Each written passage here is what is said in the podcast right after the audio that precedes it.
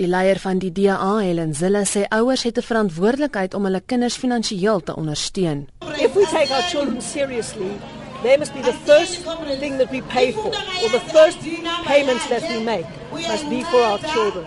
Not for our TVs, not for our cars, not for anything else, for our children. Intussen sê 'n spesialis finansiële beplanner by De Vos Smart, Christel de Tooi, daar is gewoonlik 'n hofbevel in plek vir die betaal van onderhoud. Ek stem heeltemal saam met daai veld tog dat ouers wat nie onderhoud betaal nie wel op 'n swartlys geplaas moet word. Maar daar's 'n verskil tussen ouers wat nie betaal omdat hulle nie kan bekostig nie en en, en ouers wat net eenvoudig weier om te betaal. En dit is aan albei kante van die spektrum. Paas wat nie betaal nie en maats wat nie betaal nie. So kom ons begin by eerstens is daar 'n hofbevel in plek wat sê jy is verantwoordelik vir hierdie kinders en daar is onderhoud wat betaalbaar is. Nou dit is iets wat afdwingbaar is en jy moet dit betaal.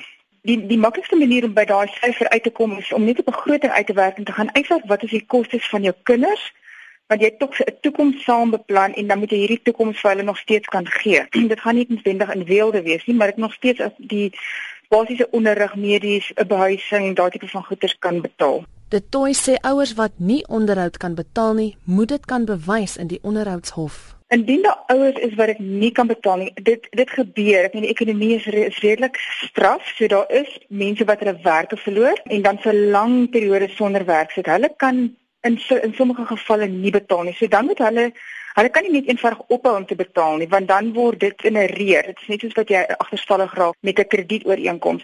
So ek sal voorstel daai ouers wat dit nie kan bekostig nie omdat hulle hulle werke verloor het, moet na die onderhoudshof toe gaan en gaan kan bewys hoekom hulle dit nie kan betaal nie. Ek meen dan volg jy die regte roete om uit te kom by jou geldigheid van hoekom jy dit nie kan betaal nie. Volgens die toy is daar wel ouers wat bloot net weier om onderhoud te betaal ouers wat wat weier om te betaal omdat hulle net op stroppelis is of omdat hulle die vorige gade wil terugkry of omdat hulle kwaad is of omdat daar woede of iets is wat hulle pla het nie die reg om dit net eenvoudig weg te hou nie. So wanneer 'n ouer byvoorbeeld nie betaal omdat hy in daai kategorie 5 kwaad dan kan jy jou deur tot die hof wend, so jy kan onderhoudshof toe gaan. Dis net 'n lang proses. Jy moet 'n prokureur saamvat en dan moet daai persoon kan bewys hoekom hy dit nie betaal het nie, alhoewel hy 'n inkomste het in my opinie dink ek is dit slimmer om dan eerder 'n lompsom te vat in die vorm van onderhoud en te sê goed, ek gee vir my 'n uh, X bedrag, dit jy kan dit jy kan dit ek dan toevallig gaan haal uit uit bates uit van die van die gade. Of jy kan self teen daai pensioenfonds gaan eis. Sien nou maar jy het op egskeiding 50% geëis van sy fonds